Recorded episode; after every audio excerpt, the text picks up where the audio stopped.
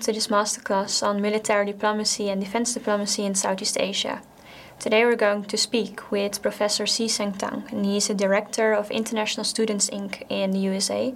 And in addition, he's also a tenured professor at Nanyang Technical University in Singapore. Okay, well, my name is See Seng Tan, and I am currently the president and CEO of a, uh, International Students Inc., uh, which is a nonprofit faith-based organization in the United States. And uh, I was formerly professor of international relations at uh, Nanyang Technological University in Singapore. Okay, thank you very much. And um, we also know that um, you have um, written on military diplomacy in several uh, contexts, and I was wondering, therefore, mm -hmm. if you perhaps could um, give us an um, definition of what you think military diplomacy is.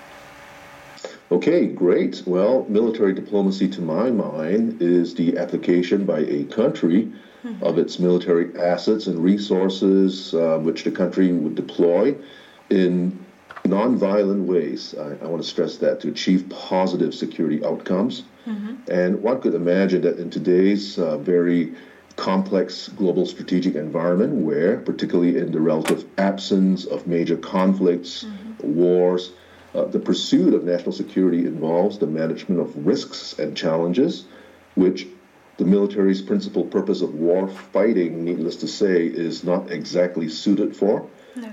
Uh, so the, the need for militaries, therefore, to adopt other means and ways to engage with their counterparts from other nations that do not involve the use of armed force, uh, but they are no less aimed at advancing the national interests. That's something that I think is crucially important for militaries today.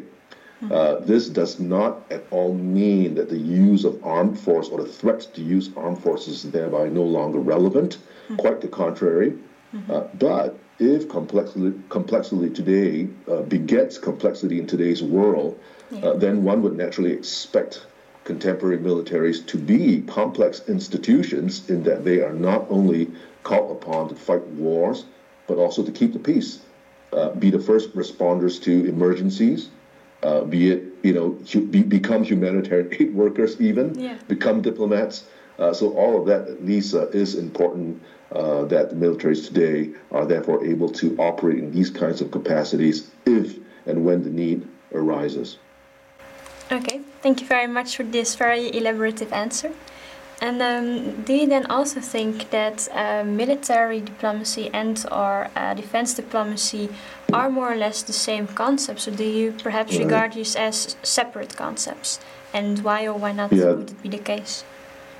Yeah, that, that's a really important question. I, I imagine that what I've just provided uh, uh in my comments uh, as a definition of military diplomacy could also be viewed by others as more appropriate, perhaps as a definition of defense diplomacy. Yeah. Uh, and if that if that were the case, then military diplomacy uh, for much more discerning analysts uh, could be understood, therefore, as a subset uh, of that. Uh, mm-hmm. Uh, narrowed specifically to the role and activities of military attaches and military personnel. So I, I guess what I'm trying to say is I'm, I'm not the best person when it comes to parsing out these kinds of concepts uh, because I've used both military diplomacy and defense diplomacy interchangeably yeah. uh, because I don't feel, I, I, just personally don't feel that it makes much sense to boil everything down to mm-hmm. whether the person participating in the same activity, you know, mm-hmm. whether he or she wears a uniform yeah. or, or he or she is a civilian. Mm-hmm. Uh, but but hey, I, I fully accept that there might be good reasons why that distinction uh, should be made. I, I, I, just haven't made that kind of a distinction myself. Mm-hmm. Okay, well, very clear. So, but you um, then could agree that in terms of actors there might be a difference. But would there also mm-hmm. uh, would it be possible that there are also differences um, in terms of, for example, um, certain objectives that uh, actors mm-hmm. involved in military diplomacy or defense diplomacy are pursuing?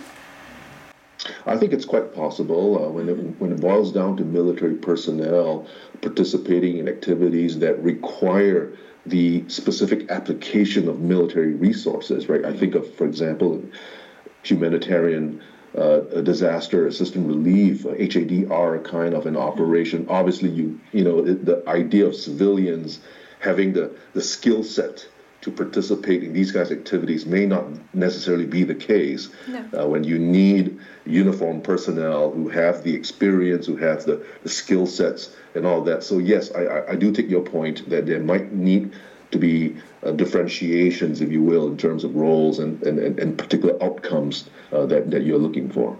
Okay, and in the uh, definition that you just gave of military diplomacy, you also emphasized um, the use of um, yeah certain strategies to pursue peaceful objectives. But do you also think that military diplomacy or defense diplomacy can be used in a more coercive manner?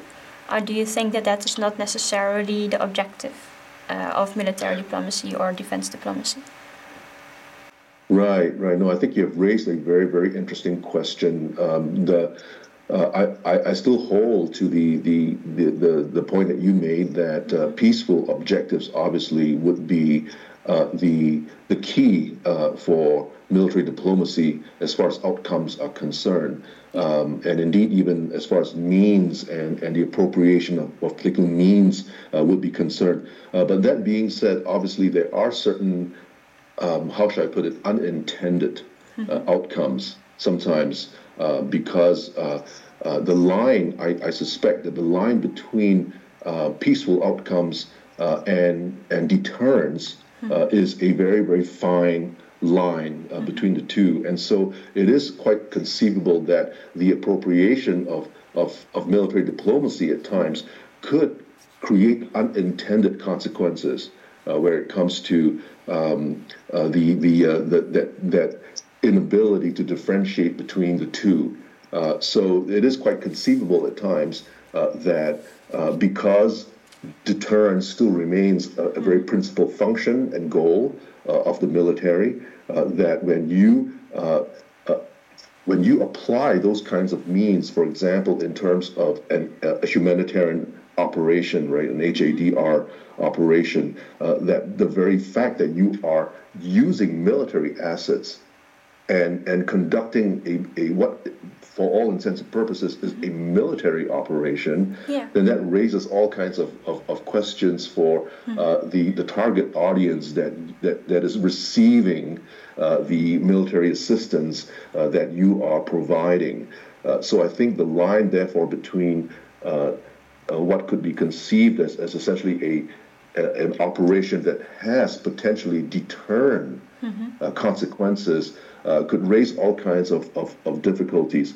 Uh, and so I, I think uh, if, if we were to look particularly at HADR operations in, in, in my neck of the woods in Southeast Asia, one could see um, because of the uh, continuing persistent questions of, of non intervention and non-interference uh, that states here in Southeast Asia continue to operate accordingly, uh, that the, the application, therefore, sometimes mm-hmm. of military diplomacy could be misconstrued, misunderstood yeah. um, uh, uh as, as, as deterrent operations mm-hmm. Uh, of, of one military vis-a-vis another. So, so there are all these kinds of, of, of of potentials for, for misunderstanding that could arise uh, that would potentially nullify and negate. Uh, your peaceful, what was supposed to be a peaceful operation yeah. with peaceful means and outcomes. Uh, that could all be placed into question because of the, the, the potential for deterrence to kind of creep in to the, yeah. the security calculations of, of, of, states on both sides. According to your personal uh, opinion, do you also think that military diplomacy or defense diplomacy can be used as a tool to prevent conflict?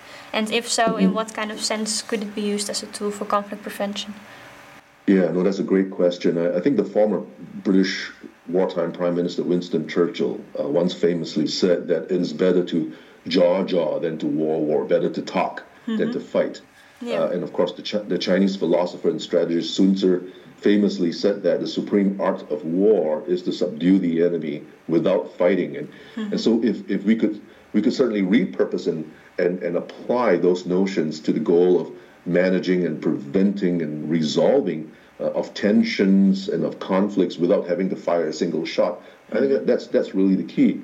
So, if avoiding the use of force or even the threat of force to achieve one's political and military goals and objectives, if that is a time honored strategy, as we've just heard, mm-hmm. then it is likely true that military diplomacy doesn't fall very far from that tree. No. So, let me, let, me, let me cite an example that, that, that doesn't involve conflict prevention as much as tension mitigation. Mm-hmm. Uh, we, we may recall back in December 2004, during the Indian Ocean tsunami, which devastated the littoral countries on the rim of the Asian side of the Pacific Ocean, including the Indonesian island Sumatra. And I remember that the Singapore Armed Forces, my, my, my home country's uh, uh, military forces, uh, deployed an operation known as Flying Eagle, which was the largest humanitarian HADR operation undertaken to date by Singapore uh, to places like Medan, Banda Aceh, and Meulaboh in Indonesia as well as Phuket in Thailand. But but the implementation of that operation hit a major snag when our Indonesian friends, our Indonesian brothers, mm-hmm. worried over the prospect of foreign troops trampling yeah. on Indonesian soil, uh, delay uh, giving delay giving the green light for the operation to proceed. Mm-hmm.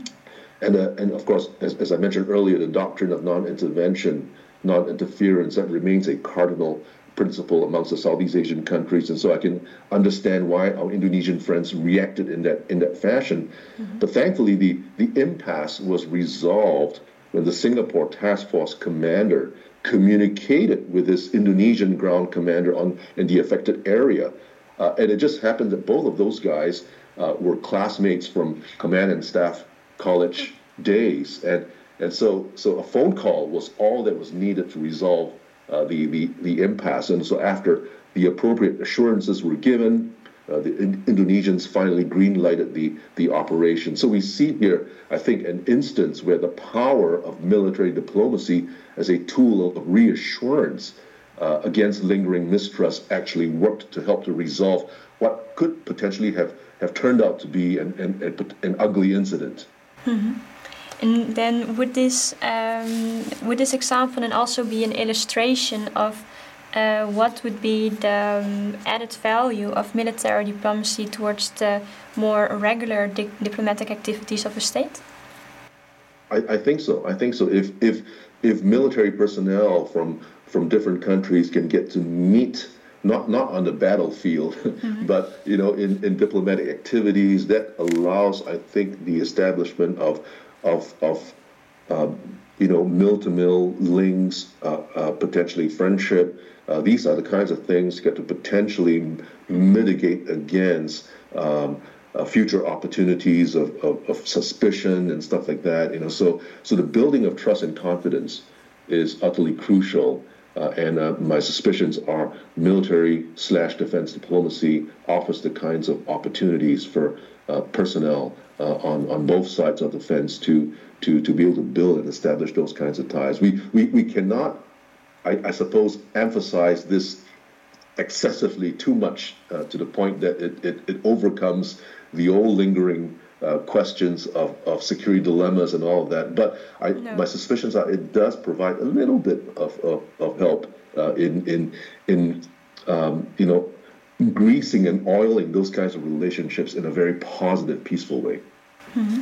Yeah, in, in your work, you also um, describe a uh, transformative function of military mm-hmm. diplomacy um, or defense diplomacy, and also a conservative and more pragmatic function of military diplomacy or defense diplomacy. Yeah. My question is would it be possible for you to um, explain these concepts and perhaps also with an uh, example?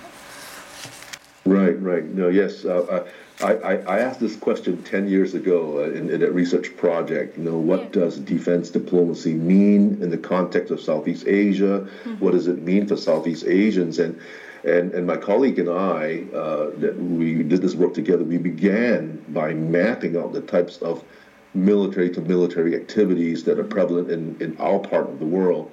Uh, and that turned out to be a relatively straightforward exercise yeah. because we found that within the Southeast Asian context, the existence of almost every type of activity that's listed in the seminal 2004 Adelphi paper by Andrew Cottey and Anthony Forster yeah. uh, entitled Reshaping Defense Diplomacy. So it wasn't wasn't that difficult an exercise. But mm-hmm. but when we asked the follow-up questions what are those activities used for? Mm-hmm. Uh, what do Southeast Asian countries hope to achieve by engaging in them? What are the strategic or tactical intentions behind their use? When, when we ask that second set of questions, we found a, a qualitative difference mm-hmm. in what Southeast Asian countries use them for compared with, with Western European countries. Yeah. So we, we consulted the defense white papers of Western European uh, countries, the types of mill-to-mill activities engaged in by their militaries, uh, and we corroborated that, that, that evidence and information with the published works of dedicated research institutions like, like, like the IISS in London, like DCAF, Geneva Center for Security Sector Governance in Geneva. And we found that, what interestingly, we found that in the European context, uh, identified as the goals of defense or military diplomacy, things like the professionalization of the armed forces, mm-hmm. right? The democratization of civil military relations in non Western countries. Those were the goals yeah. of Western nations, Western European countries uh, in the participation of, of defense diplomacy. And so we label all of this as transformative mm-hmm. defense diplomacy because the stated aim was transformative in orientation, right? Change the nature mm-hmm. of, of civilian military relations, change the nature of of, of the, the militaries in, in, in Asian countries, in African countries, and so on and so forth. Mm-hmm. On the other hand, when we did the same with Southeast Asian countries, uh, we found a great deal of references to things like confidence building, mm-hmm. reassurance based activities, which, which to me implies that what the Southeast Asian countries and militaries were pre- preoccupied with mm-hmm. was the maintenance of the status quo the maintenance of the social order in Southeast Asia. Hence, our, our use of the term pragmatic mm-hmm. defense diplomacy instead of, instead of transformative. Mm-hmm. So we were, we, we were not at all suggesting, or at least I wasn't suggesting that Europeans do not therefore engage in pragmatic defense diplomacy, mm-hmm. nor was I insisting that there's absolutely no aspiration among Southeast Asians uh, for, for transformative diplomacy it's it's there if you read between the lines of the mill-to-mill frameworks and activities and say, for example, the ASEAN Defense Ministers meeting, the ADMM and the ADMM Plus arrangements. Uh, but as I was suggesting earlier, given the very deeply embedded norm of non-interference and non-intervention within Southeast Asia, it's quite understandable mm-hmm. that much of the, the military diplomacy, much of the defense diplomacy in Southeast Asia remains uh, largely oriented towards conservative, pragmatic kinds of, of outcomes rather than transformative in, in, in nature. Hence, hence the distinction that we thought was necessary to make between transformative and pragmatic. You also wrote in uh, your work that the present interstate relations between uh, certain Asian countries is one of mutual uh, mistrust combined with the continued incre increase of uh, Chinese assertiveness. And then, however, at the same time, we can identify an increase in the bilateral and multilateral defense dialogues, which perhaps could be seen as transformative or perhaps as pra pragmatic. But then, um, how would you explain the paradox of increasing bilateral and multilateral military and or defense dialogues but at the mm. same time the persisting mistrust between uh, certain members. Yeah, yeah, no, that's a great one. It, it is a paradox, isn't it? Mm-hmm. You know, mm-hmm. one one plausible explanation is that in the Southeast Asian region, or if you if you will, the broader Indo-Pacific region. Mm-hmm. Uh, multilateral dialogues are viewed and treated as, as secondary structures, as mm-hmm. adjuncts that supplement the underlying system of U.S. led alliances and security partnerships which uh, themselves are based on, on a regional balance of power, uh, or, or if you like, a kind of grand bargain, you know, amongst the great powers to to maintain and to keep the regional status quo. Mm-hmm. And so multilateral arrangements like like the ASEAN Regional Forum, you know, all of these remain at best a consultative forum, mm-hmm. a very loose confidence building measure. So nothing nothing compared with the, the very institutionalized CBMs, you know, of the OSCE, for example, and what you have in Europe. Mm-hmm. Indeed, it could be argued that the, the ASEAN Regional Forum, uh, far as Southeast Asia is concerned, that serves as a platform through which the ASEAN, uh, which ASEAN, the institution, can engage the great powers and to remind them of the need to maintain uh, that grand bargain, uh, mm-hmm. you know, that, that, that shows signs of fraying today because of, of the strategic competition between uh, China and the United States. Uh, mm-hmm. but what has happened, we, we, we have to note, what has happened since at least 2012 mm-hmm. with the rise of Xi Jinping to the Chinese presidency mm-hmm. has been a fundamental shift in the Chinese perspective and position. And the Chinese believe that the Americans were responsible for, say, for, for example, the 2008 global financial crisis, yeah. which signaled the terminal decline of the United States as, as the world's global power, and China's emergence, therefore, not just as a rising power, but indeed a risen great power, mm-hmm. uh, but which the United States refuses to recognize and seeks to contain. Mm-hmm. And so, indeed, one of the, the very first things that Xi Jinping did when he became president was, was not to extol China's greatness, something that he would do later with his vision of the China dream.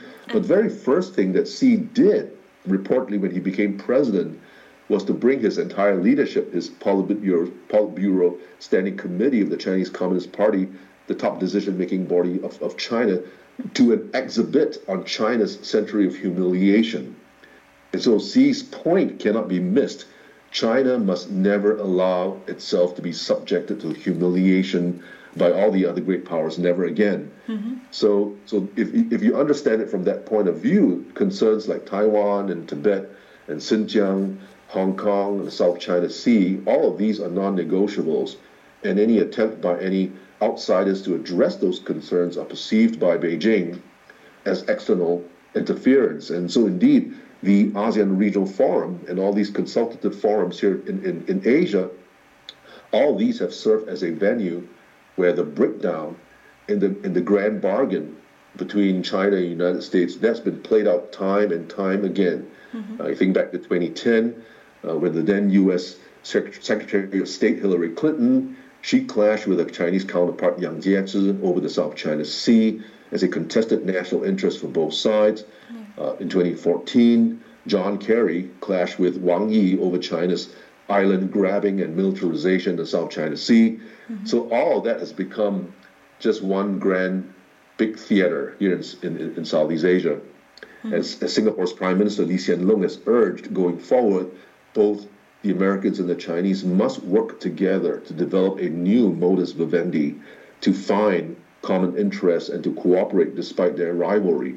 Mm-hmm. And without a new grand bargain between those major powers, I, I just do not see um, the ASEAN Regional Forum or any of these multi, multilateral fora here in Asia being anything than just a sad reflection of the tensions and the mistrust uh, that is that is that is that has marked U.S.-China rivalry uh, in the last you know, 15, 10 years, increasingly so. So that, that's been an unfortunate development here in the region.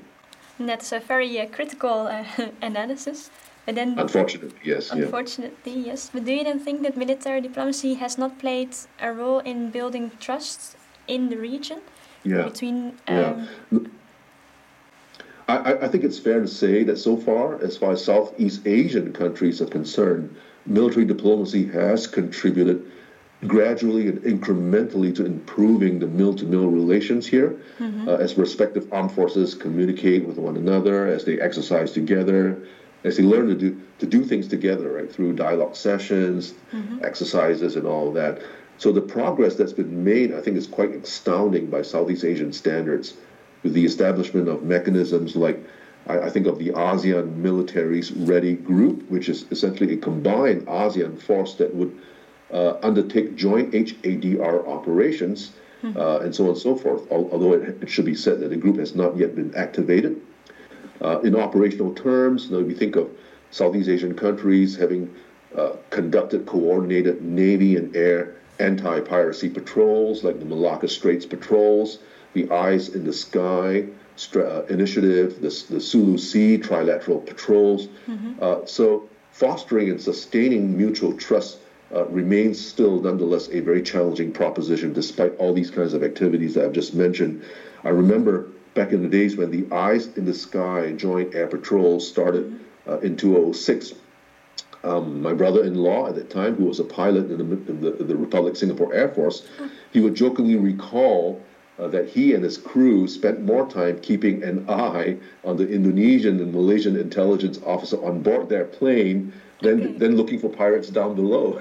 so, so I think you know those those days of of, of trying to overcome suspicions, overcome mm-hmm. uh, you know these kinds of, of lingering mistrust uh, were, were, were a, a, great challenge. But mm-hmm. ultimately, any, any, any progress in trust and confidence building between and among the militaries is circumscribed and constrained, uh, as I suggested earlier, by the sacred cow of non interference that's observed uh, amongst the Southeast Asian uh, governments. You could be best buddies with your military counterparts in the neighboring countries mm-hmm. because of all that you do in the mill to mill uh, activities. Yeah. Uh, but so long as your political bosses and your political masters still call the shots, yeah. these institutional bonds that are built uh, amongst soldiers and sailors and, and airmen, they're not likely to have any major positive impact on existing security dilemmas so long as military, uh, uh, so long as the, the political masters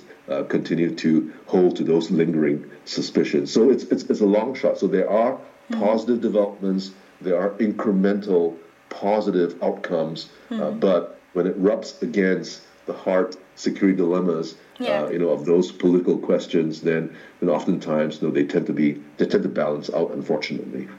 Yes, and then I, I hear you mentioned the security dilemma again. Mm. Then, um, yeah. what kind of uh, theory in international relations do you think would then um, explain these developments? Mm. Yeah. Well, the, the, the, complex strategic environment of Southeast Asia, at mm. least, uh, does not lend itself, unfortunately, to a single theoretical explanation. -hmm. And everyone has his or her favorite theory. -hmm. Uh, but if we were to confine ourselves to the mainstream conventional theories, -hmm. I think one could easily find realist, liberal institutionalist, constructivist explanations, all coexisting mm-hmm. quite comfortably within the Southeast Asian context. And in the heyday of Southeast Asian regionalism, mm-hmm. you know, one, one could say, well, you, you can point to liberal institutionalism, you can point to constructivism flourishing, you know, within the scholarly emphasis. Uh, when you look at things like the proposed ASEAN community, uh, with regional economic integration, complex mm-hmm. interdependence, security communities, all, all those concepts being the flavor yeah. of the day. But as as I was saying earlier on, you know, recently with the intensification of the U.S.-China rivalry, mm-hmm. with China China's apparent success at even disuniting the Southeast Asian countries, mm-hmm. uh, and and of course with ASEAN's ineffectiveness as a regional actor, uh, you know, uh, on all of that put together, realist explanations have increasingly seized the upper hand. Mm-hmm. And, and where, where attempts to explain military diplomacy are concerned, I think it is fair to say that, that they lie somewhere between realism and liberal institutionalism, with yeah. the focus on pragmatic cooperation uh, that, that is, is an overly ambitious in reach, mm-hmm. uh, call it the, low, the low-hanging fruit approach, if you will, okay. uh, but which does which does seem to go beyond the bare minimum allowed by realpolitik based kinds of explanations. And I think the best description I've heard comes from the late Professor Desmond Ball 20 years ago okay. when he described multilateralism in Southeast Asia as essentially, and I quote, a liberal idea placed in the hands of realists. Mm-hmm. And so, so pragmatically speaking, in the current milieu of high tension caused by the US China rivalry, mm-hmm. with Southeast Asia as, if you will, the ground zero of superpower competition, pragmatic cooperation isn't necessarily a bad place uh, for defense diplomacy or for military diplomacy to land on, mm-hmm. so long as the, the Goldilocks principle applies, right? Nothing too hot or too ambitious mm-hmm. so as to be unreachable, and nothing too cold or a bar set so low as to be pointless but just right. So I think that's that's where military diplomacy hopefully can land on. Okay, well, that is a, a very, very clear analysis. Thank you very much. And then we also heard um, from uh, one of the other um, contributors to these sessions that we can also sometimes um, see military diplomacy or defense diplomacy as sort of, um, yeah, in between the measures of soft power and hard power that mm-hmm, states mm-hmm. can um, use. And yeah. my question for you is if you would be if it would be possible for you to reflect on this.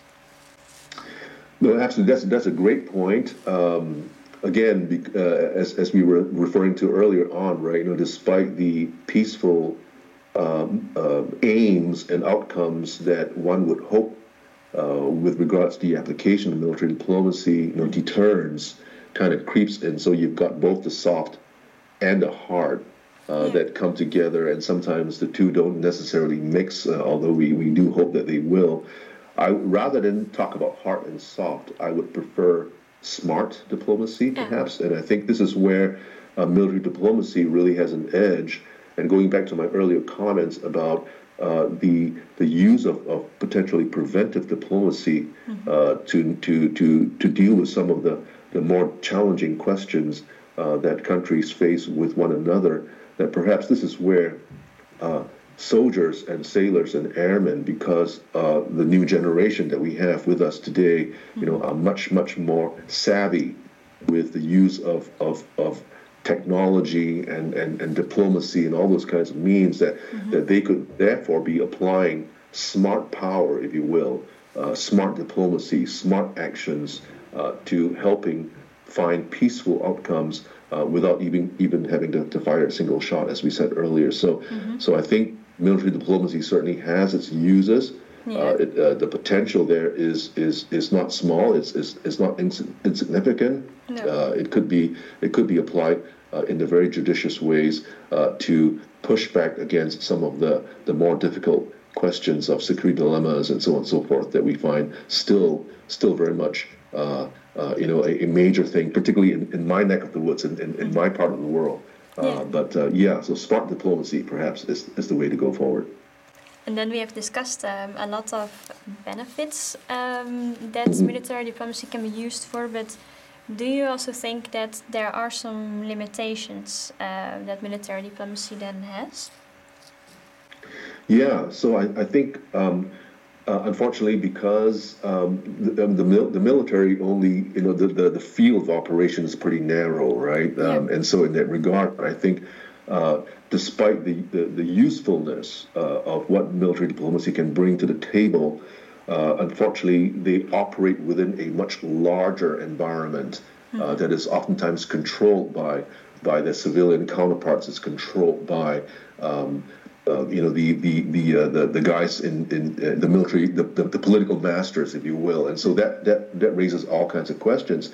But I think we also have to consider uh, what we had mentioned briefly earlier on. The, the, global strategic environment has has evolved a great deal today, yeah. uh, and and the military are operating uh, in a on a terrain that is a very crowded terrain, a very crowded landscape. Right, you've got you've got the media, you've got non-governmental organizations, NGOs operating. You've got uh, religious actors. You've got all kinds of things. It's, it's, a very, very crowded environment.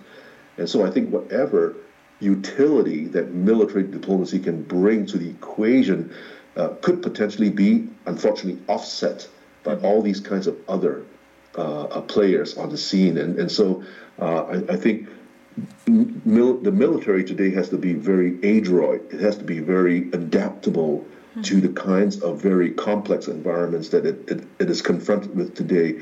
And so, all the more, uh, the need, therefore, for military diplomacy uh, to evolve accordingly uh, so that, the, so that the, the soldier, so that the sailor can, can play this role uh, that is, that is, that is, um, that contributes, I think, in, in a very powerful way to uh, creating peaceful environments uh, in, in whichever terrain that they find themselves operating on.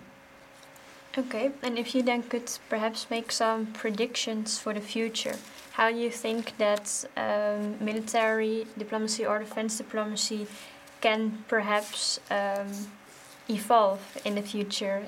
Yeah, yeah, no, that's that's a that's a that's a very important question. I, I, I think already we are seeing little bits and pieces of the puzzle here, where uh, uh, education is, is fundamental, mm-hmm. uh, and and I think um, uh, increasingly uh, you, you, you, you begin to see um, the military personnel of Southeast Asian countries uh, growing and evolving as a result of the kinds of mill-to-mill activities as, as, a result of the kinds of defense and military diplomacy type activities that we find them having with, with the neighboring countries. Uh, there's still a lot of ground to be covered, obviously. And this, you know, you, you think of a of a hard example, right? What what is what is happening today in Myanmar, unfortunately, uh, because of the role of the Tatmadaw, uh, the Burmese military uh, uh, uh operating and, and, and, unfortunately contributing to the violence, etc., in, in Myanmar. What can be done in the context of military diplomacy